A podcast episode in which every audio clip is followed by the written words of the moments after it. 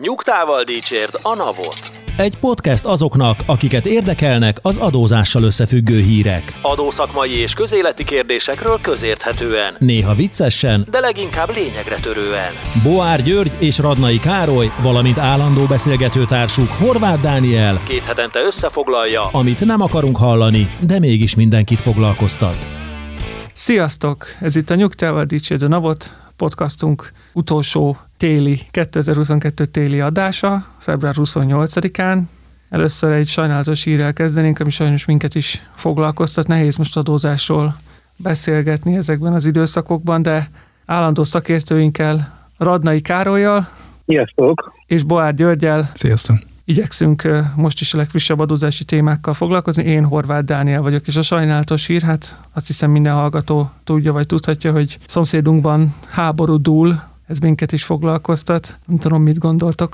Szerintem fontos lenne azt elmondani a hallgatóknak is, hogy, hogy nem csak foglalkoztat, hanem próbálunk is a magunk módján segíteni. Eddig próbáltuk ezt a dolgot nem nagyon felerősíteni, hogy mind a hárman az Amberben Magyarországnál dolgozunk, és nem csak a magyar Andersen, hanem a, szinte a világ összes irodája összefoglalt Ukrajnáért. Itt a magyar és a lengyel iroda közösen próbálja szervezni Ugye a két azon ország, amelyik leginkább érintett most a menekültek érkezésében, próbálja szervezni a külföldi irodáknak a segélyadományait. Nagyon sok mindenben módon próbálnak a, az irodák és hát azonban a munkavállalók segíteni. Akik logisztikailag közelebb vannak, azok nyilván próbálnak élelmiszersegélyekkel, ruhákkal is segíteni, de a legtöbben pénzügyi támogatásról biztosították az ukrán kollégákat mi is a magunk módján felajánlottuk azt, hogy amennyiben külföldi kollégáknak Magyarországon van családtagjuk, vagy ne talántán külföldi kollégák érkeznek Magyarországra, akkor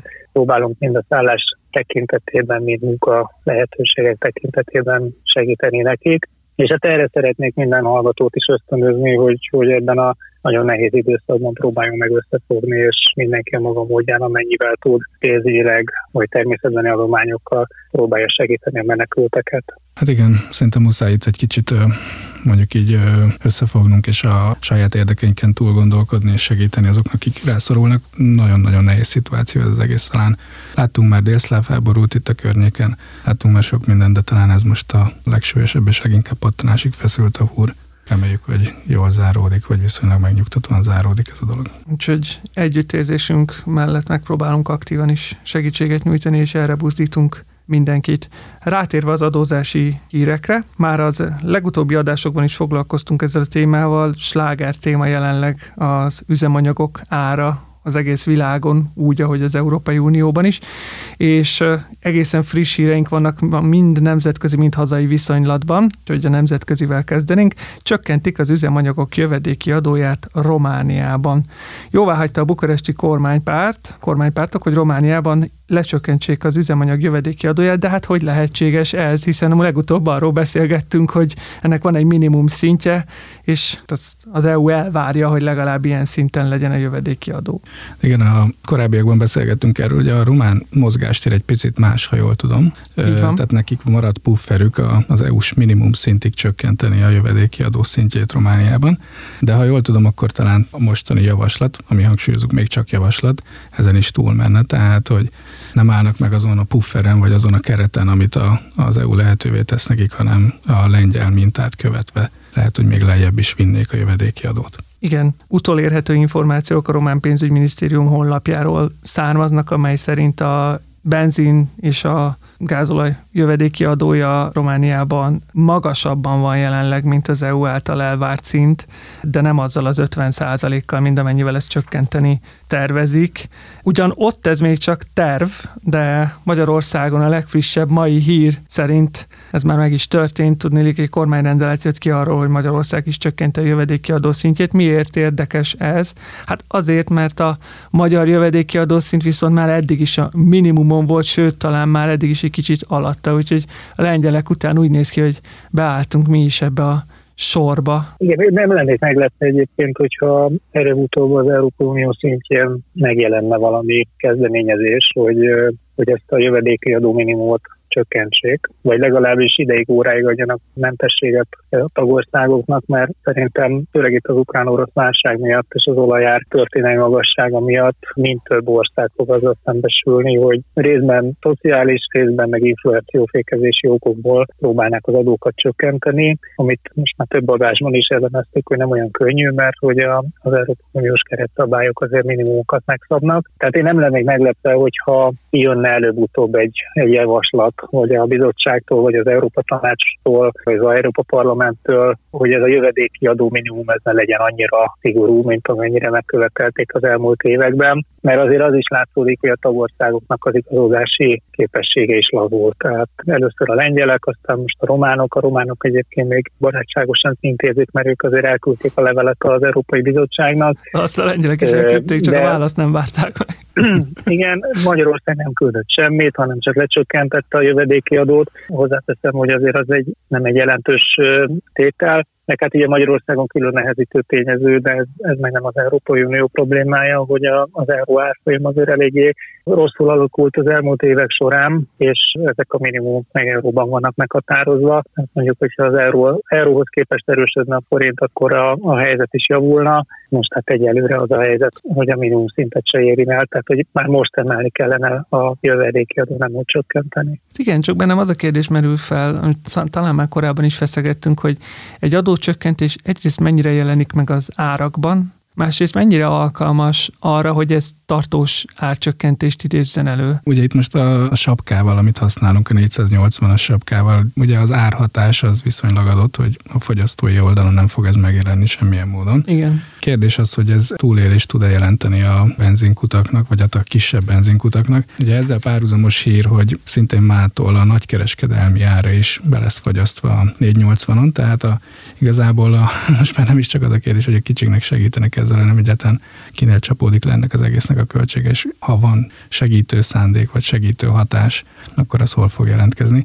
Nem látom ennek a mondjuk így a érdemi jelentőségét azon kívül, hogy a költségvetés visszaad valamennyit a rendszerbe. Nekem egyébként ez egy teljesen megfoghatatlan dolog volt, hogy hogy lehet a kiskereskedelmi árat úgy befagyasztani, hogy közben a nagykereskedelmi árat meg nem fagyasztották be. Meg hát ha már 480 forinton fagyasztják be a kiskereskedelmi árat, akkor lehet, hogy érdemosabb lett volna a nagykereskedelmi árat 460 forinton befagyasztani. Nyilván a nagykereskedelmi árat kizárólag a morról szól, a kiskereskedelmi ár meg mindenki máshol, aki, aki forgalmazza.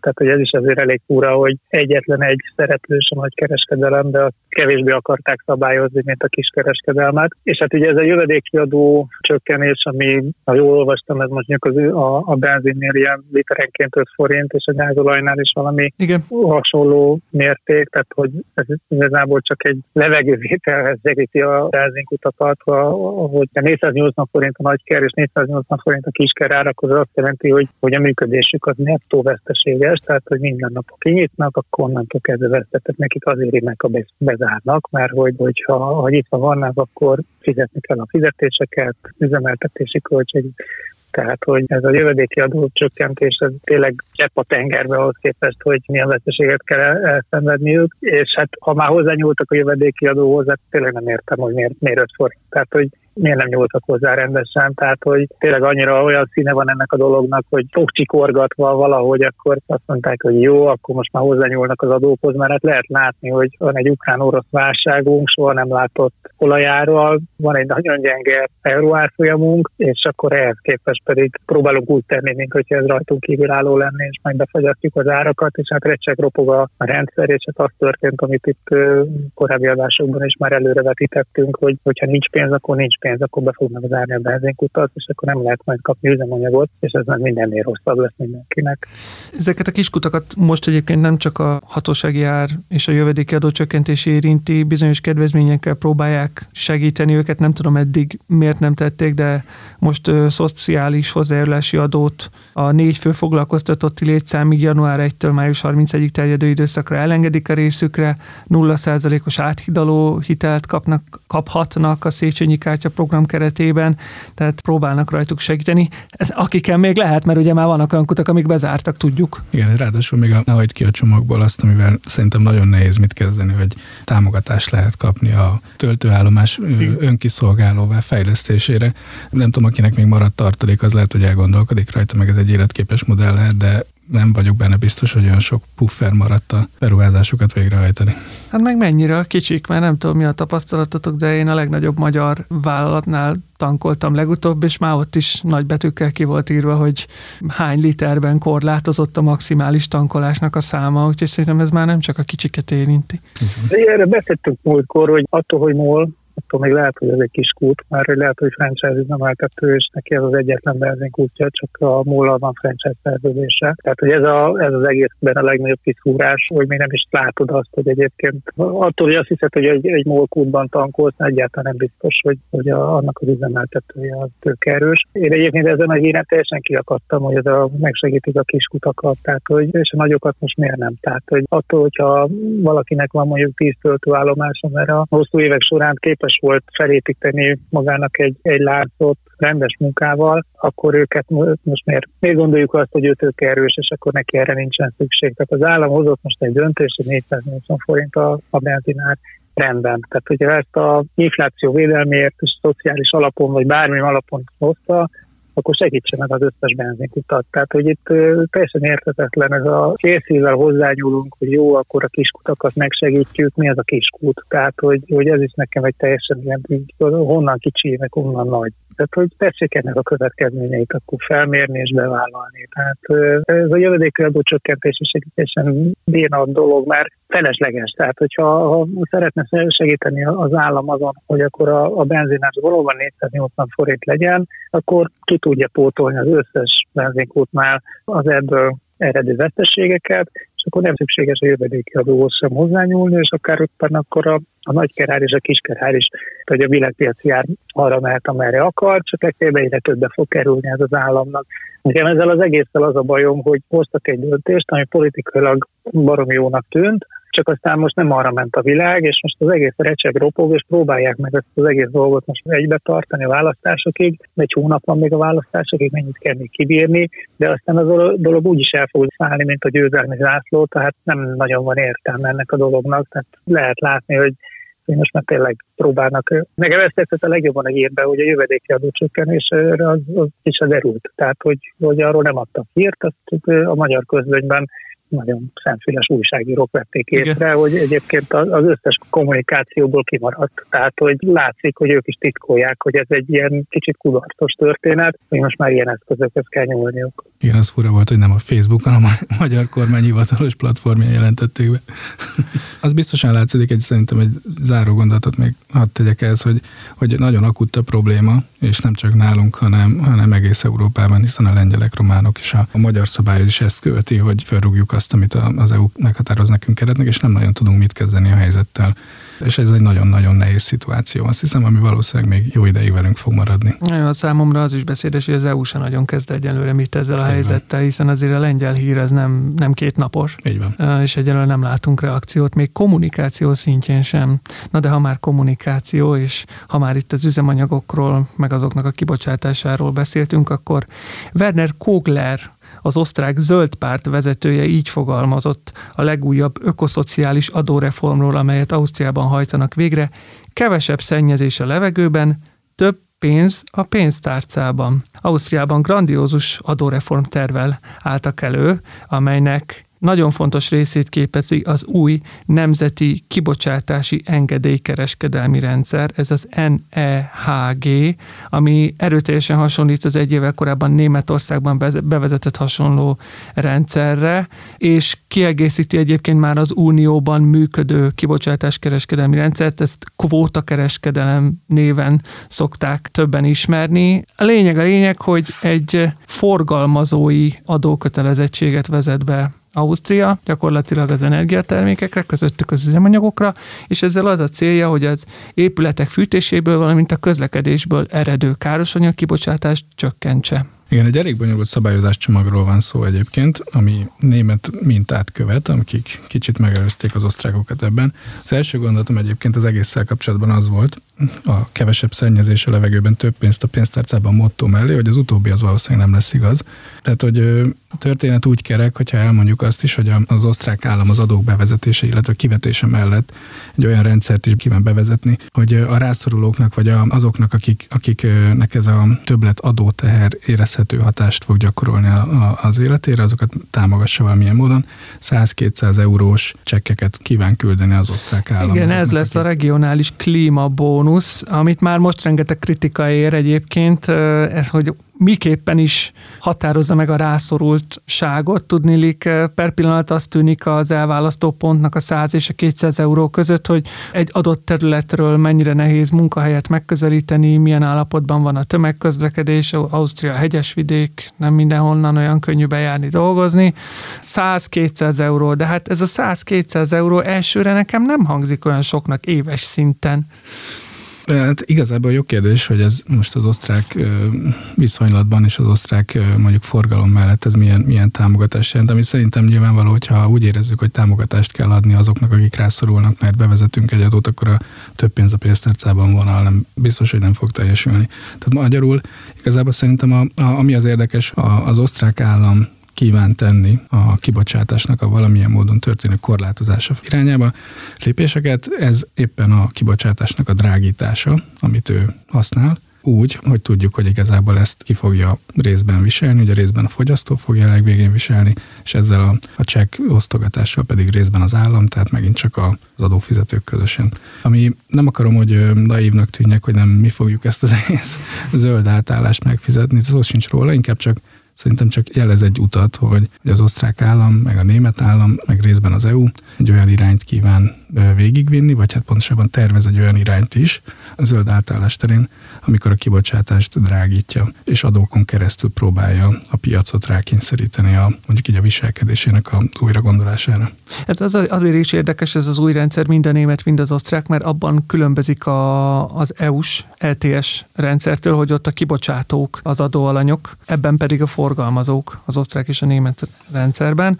Ez a regionális klímabónusz, még meglátjuk, hogy mennyire lesz alkalmas arra, hogy kompenzálja az elszenvedett károkat, de túlmutat ez az adóreform ezeken az intézkedéseken. Tudnilik új beruházási adókedvezményt is tartalmaz, és itt is magasabb kedvezménnyel díjazza azokat a, a beruházásokat, amelyek környezetbarátak vásárolt vagy legyártott értékcsökkentő eszközök után 10 vagy 15 százalék, és ez a 15 százalék jár a környezetbarát eszközökre, és a személyi jövedelemadót, valamint a társasági adó mértékét is csökkentik az osztrákok. Kimondott céljuk az, hogy beruházásokat ösztönözzenek. Már, már Ausztria is beszállt ebbe a versenybe? Igen, bár mondjuk én ez, ez jövedelemadó csökkentést nem, nem nagyon tudtam összekötni a nagy zöld átmenettel, tehát azt szerintem Biden azt oda csapták, hogy egyébként azt is csökkentjük.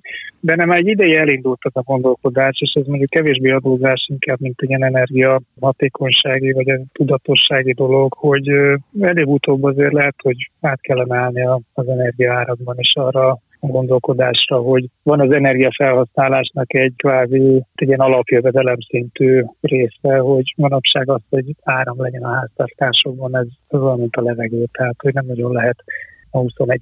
században az elektromos áram nélkül élni, és ugye csomó országban elindult az alapjövedelemmel kapcsolatos kezdeményezés is, hogy állampolgári jogul lehessen kapni jövedelmet. Nekem egy picit olyan ez az energia is, hogy lehet, hogy ez még annál is fontosabb, mint hogy alapjövedelmet kapjanak. Viszont az szerintem egyáltalán nem egy jó irány hosszú távon, hogy lineáris az energia árat, függetlenül attól, hogy ki mennyit fogyaszt, lineárisan pont ugyanannyival nő. Tehát, hogy van az eleje az a, a tényleg az alapszükség, a létszükségleteket érinti, ami, ami fontos, hogy mindenhova eljusson, és ugye van az energiafelhasználásnak meg egy, egy nagyon luxus része, hogy minél nagyobb az ingatlan, annál nagyobb az energiafelhasználás benne, ahol egyébként indokolt lenne, hogy drágább is legyen az energiaár. És hogyha ha az országok valóban szeretnének abban előrelépni, hogy, hogy hatékonyabban, tudatosabban fogyasszák az állampolgárok az elektromos áramot, meg az energiát, akkor pont az ilyen árazással tudnák ezt legjobban segíteni, és ezt egyébként részben az adózással is ki lehetne váltani, tehát hogy meg lehetne oldani azt, hogy úgy tenni mondjuk jövedéki adót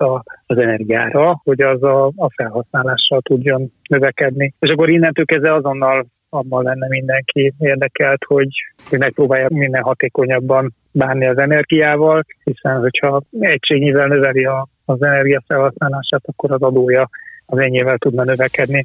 Na most tehát ezt azért ilyen, ilyen szofisztikált módon sem az osztrák, sem semmi más terven egyelőre nem látom visszaköszönni, de szerintem hosszú távon ez a jövő. Én már látom a 30 négyzetméteres lakásokból álló társasházat, ami korábban Igen, családi a, ház volt. a betétesítve.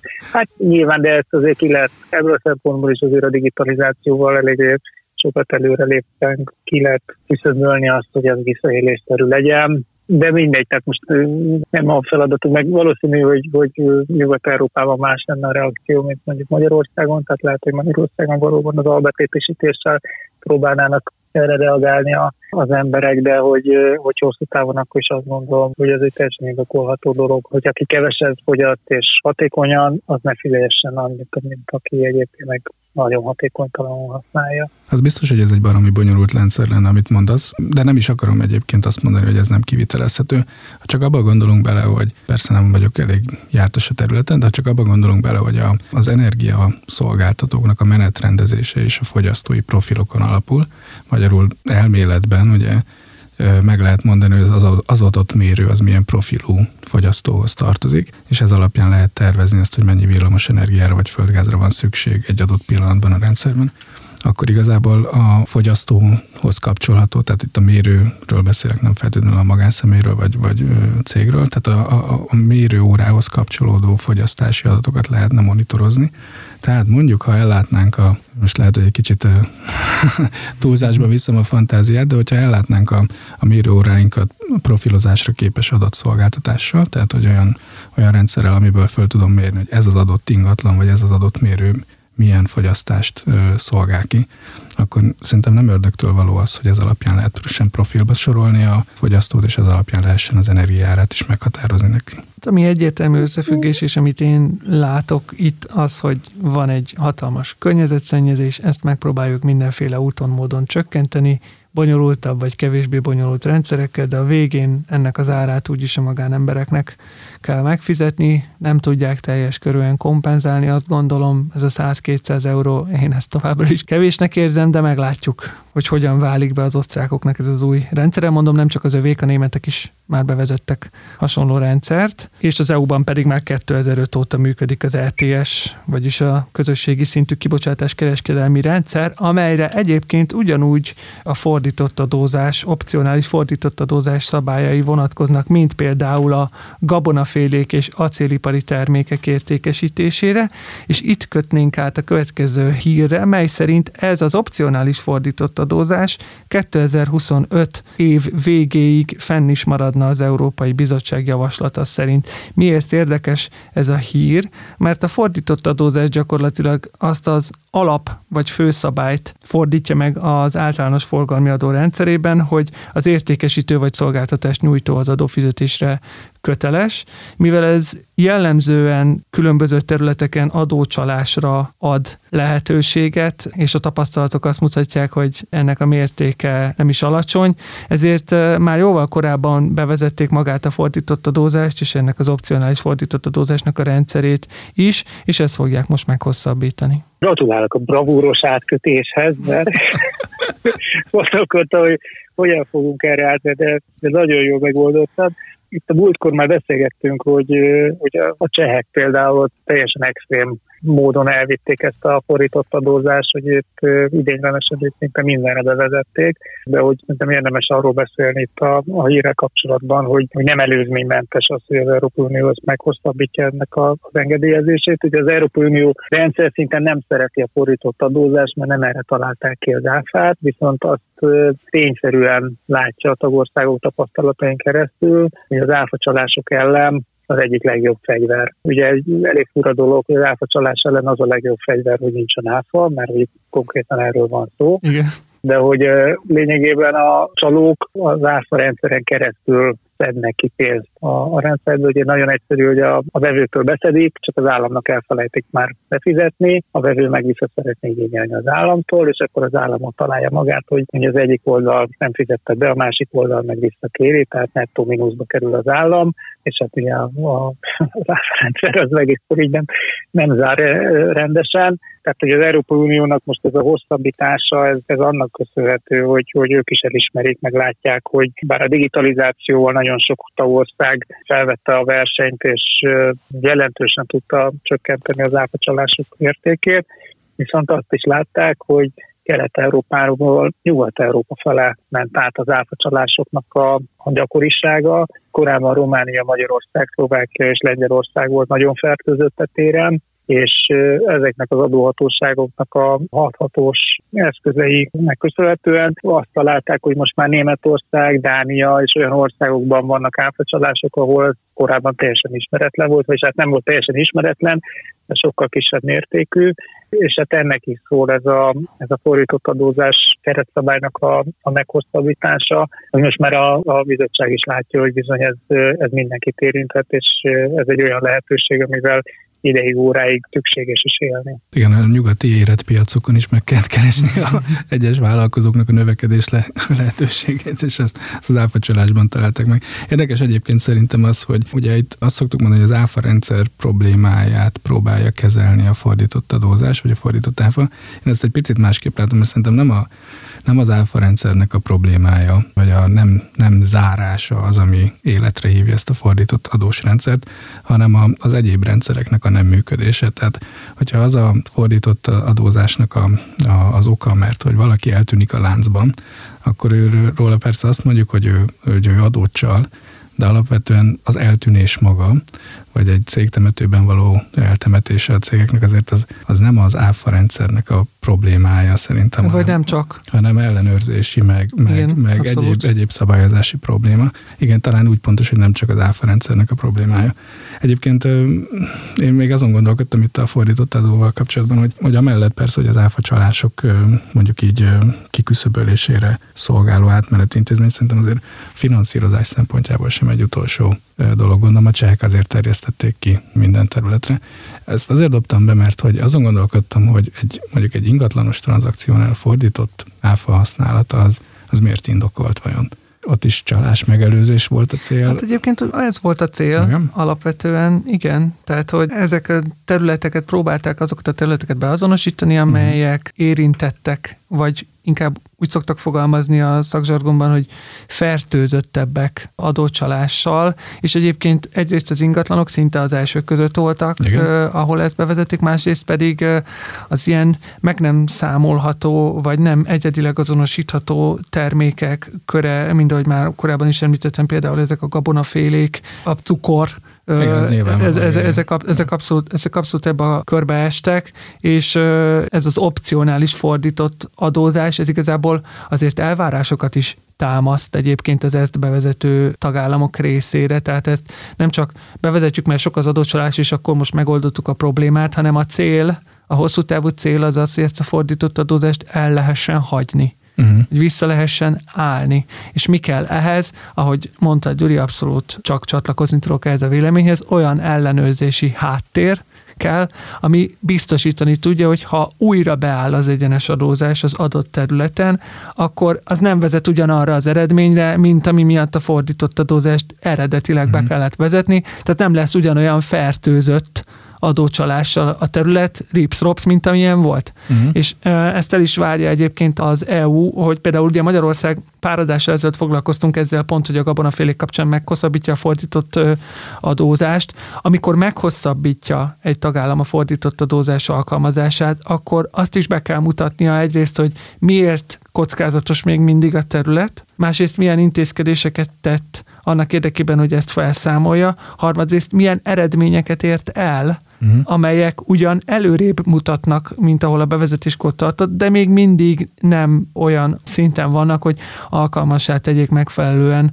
az adócsalás elleni védekezésre. Úgyhogy elég komplex a fordított adózás bevezetésének a, a rendszer, és az elvárások is ezzel kapcsolatban, de a cél az egyértelműen az, hogy az ilyen erősen fertőzött területeken gyakorlatilag kiiktassák az adócsalásnak a, a lehetőségét, igen. Uh-huh. Még egy kérdés lehet, hogy naívnak tűnik, hogy a fordított adózás alkalmas arra, hogy az áfa csalást kiküszöböljük, és az áfához azért ragaszkodunk, akkor, akkor miért szeretjük a, az egyenes áfát? Költségvetés, finanszírozás, ennyi?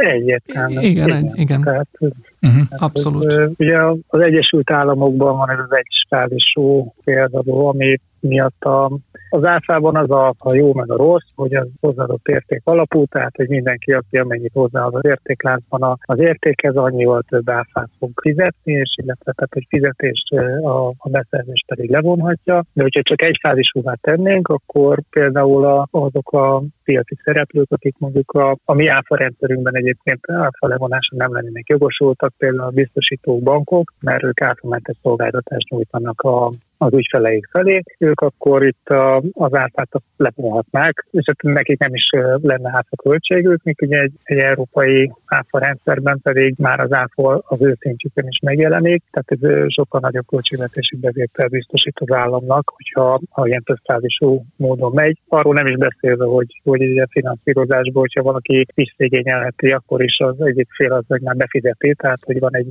ideig óráig egy időszak, amikor az államnál csücsül a pénz, ez szintisztán állami bevételfinanszírozás. Igen, és akkor itt szokott lenni a probléma, hogy mi van, ha az egyik nem fizeti be, a másik meg visszakérés fogalma sincs arról, hogy az egyik nem fizette be, Igen. és mégis, mégis rajta verik el a port, úgymond, ebből szoktak a viták lenni az adóellenőrzések során, de ha már nemzetközi szabályozási környezetnél tartunk, sokat foglalkoztunk már a globális minimumadóval, amit második pillér néven is szoktak emlegetni. Az első pillérrel azonban eddig kevesebbet foglalkoztunk, nem véletlenül, azért mert sokkal kevésbé jár elől szabályozási szinten és megállapodás szinten is, azonban most előrelépés történt, mi is ez az első pillér, szintén az OECD gondozza ennek az első pillérnek a bevezetését, amelynek az lenne a célja, hogy a digitalizáció adta kihívásokra reagáljon, és a globális vállalatok arányos teherviselését vezesse be. Előreláthatóan 2022-ben fog kiteljesedni ez a, ez a folyamat is, legalábbis az OECD reményei szerint.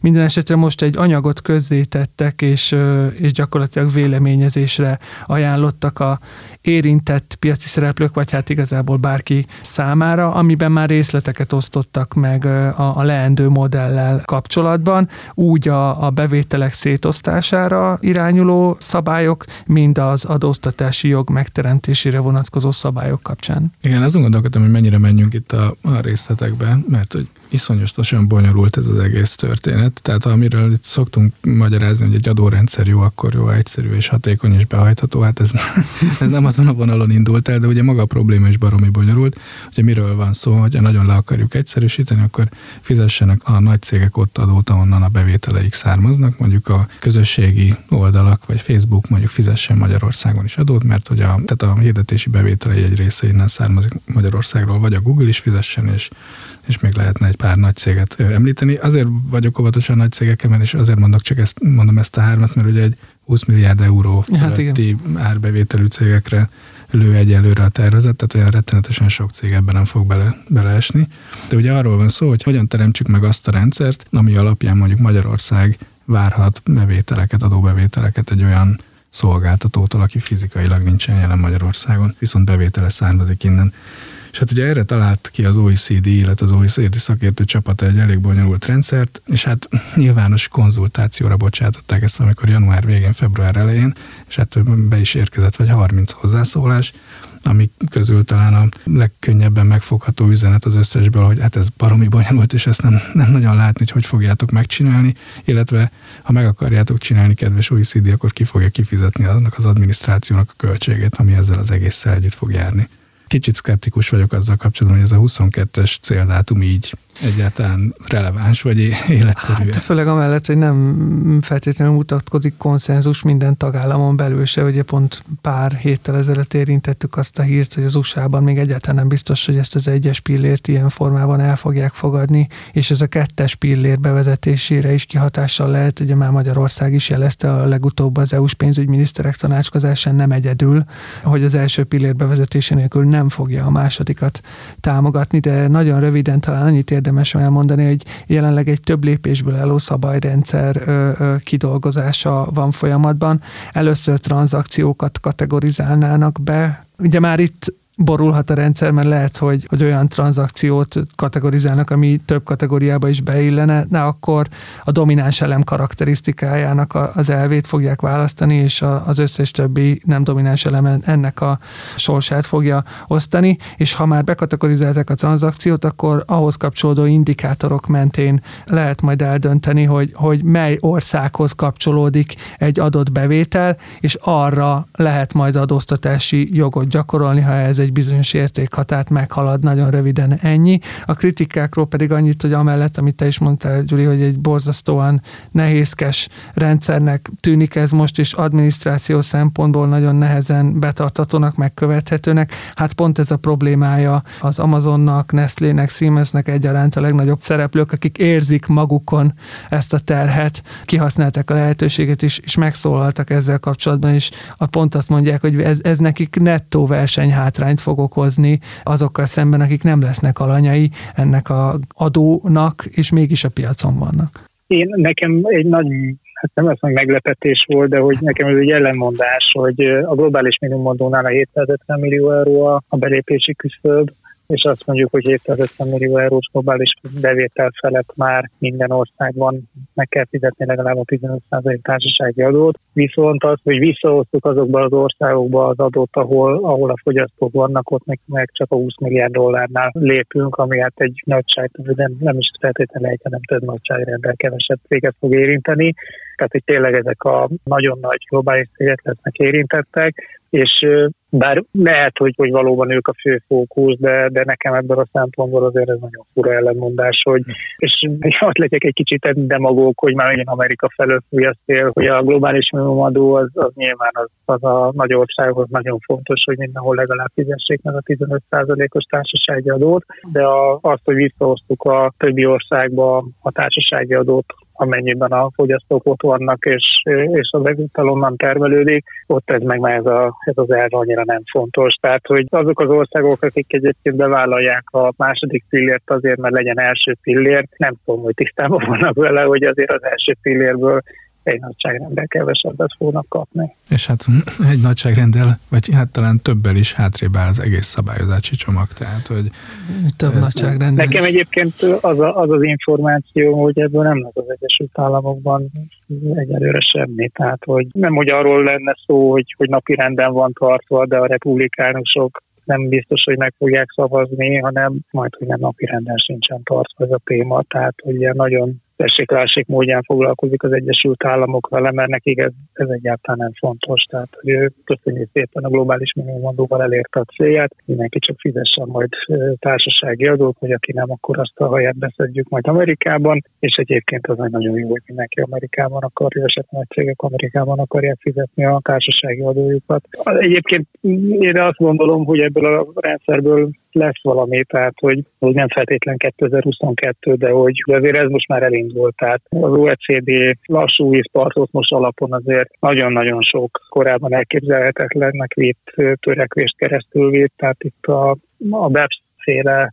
különböző törekvések, azok, amik aztán nagyon szépen átmentek, aztán most a globális minimumadó, mindig nagyon szkeptikusak voltunk, hogy na hát ezt most már nem áttettek eddig és ne tovább, és hát itt ez a, ez a egyes pillérrel is, hogy ezt látom, hogy azért ilyen 90-95%-osan az szokott lenni, ami aztán a, a, az első draftban benne van, az a végső anyag, és itt is én ezt lehet, hogy egy picit csiszolnak majd itt a százalékokon, de azért, azért szerintem az alapvető elvek ezek maradnak. Igen, egyébként egyetértek azzal, hogy, hogy ebből lesz valami. Nyilván kérdés, hogy mikor, meg hogy mennyire lesz csiszolt a rendszer. Pont ugye a kritikák egy része arról, arról szól, hogy túlságosan egy modellre, vagy egy értékesítési modellre, vagy egy üzleti modellre van kitalálva a rendszer, és nem veszi figyelembe azt, hogyha valaki egyszer három-négy ilyen modellt követve működik különböző országokban.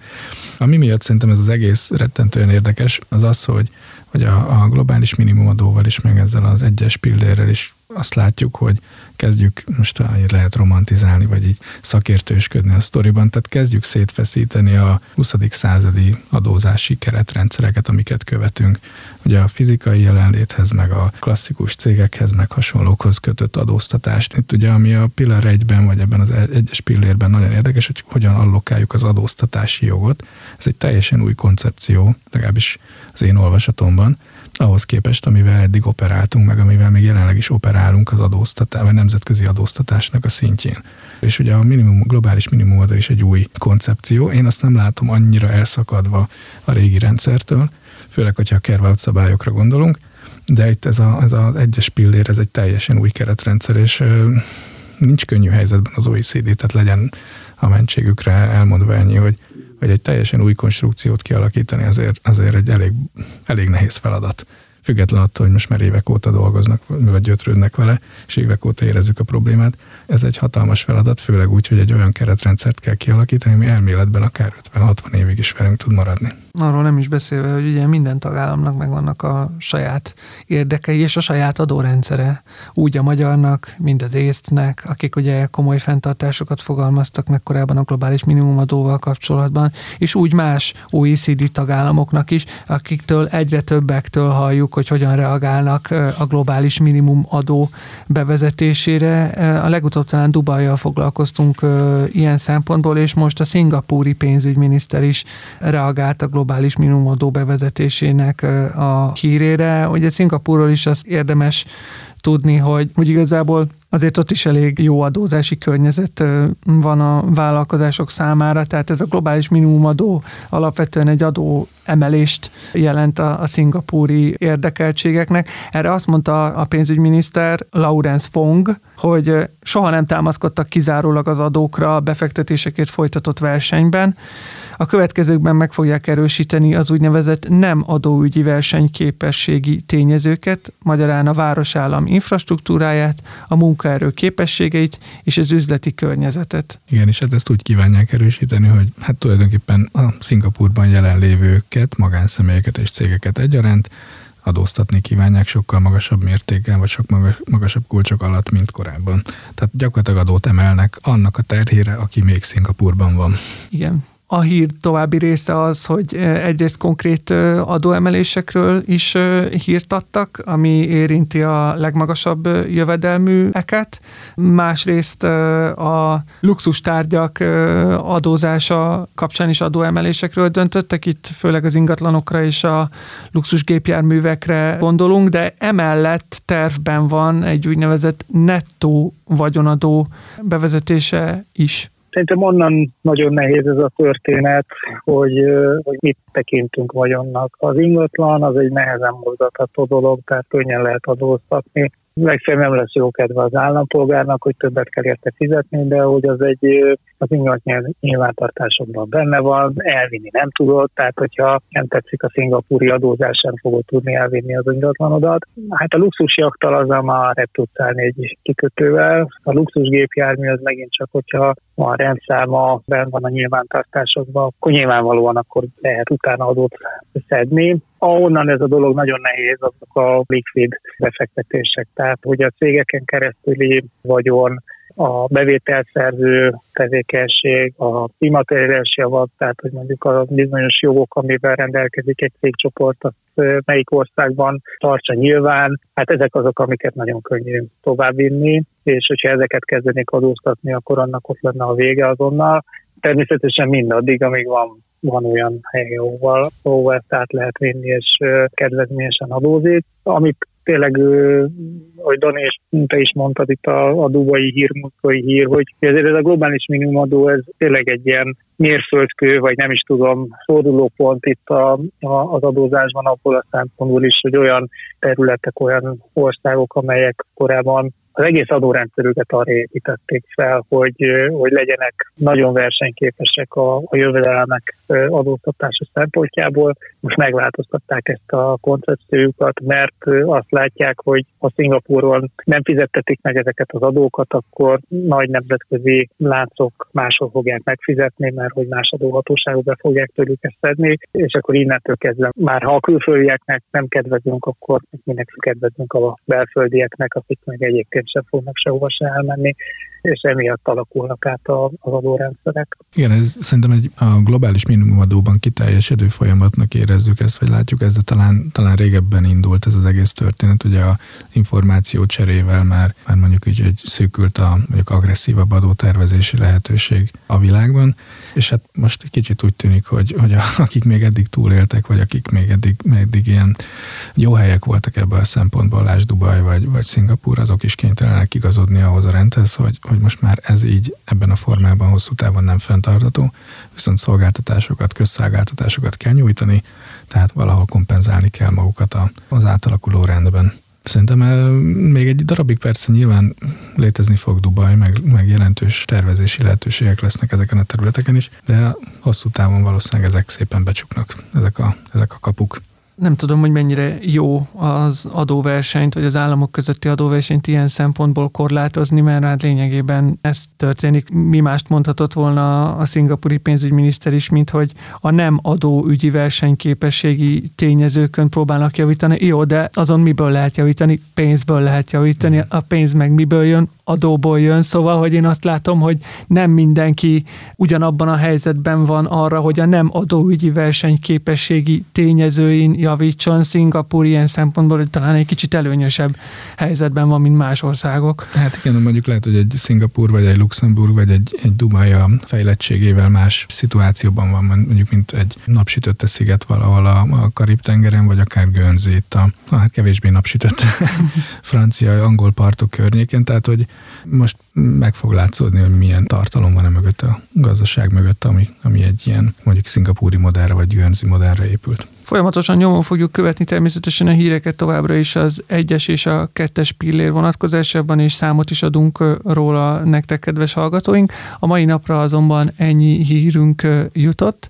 Felhívnám a figyelmeteket arra, hogy nem sokára első külön kiadásunkkal fogunk jelentkezni. Korábban már szót ejtettünk róla, hogy dr. Kispéter Andrással, az adóhatóság szóvivőjével fogunk beszélgetni. Azt gondolom, hogy egy nagyon tartalmas beszélgetés lesz, és Reméljük, hogy minél több új információt tudhatunk meg a digitális fejlesztésekről, az adóhatóság működéséről, arra, hogy ők például hogyan reagálnak ezekre az új nemzetközi kihívásokra, illetve hogy milyen terveik vannak. A mai napra azonban köszönöm figyelmeteket, és szakértőinknek az együttműködést. Sziasztok! Köszönjük, sziasztok! Sziasztok! A Nyugtával Dícsért a Napot podcast adását hallottad. Az elhangzott kijelentések és vélemények a műsorvezetők és vendégeik magánvéleményét tükrözik. A műsornak nem célja az adótanácsadás, és nem is minősül annak.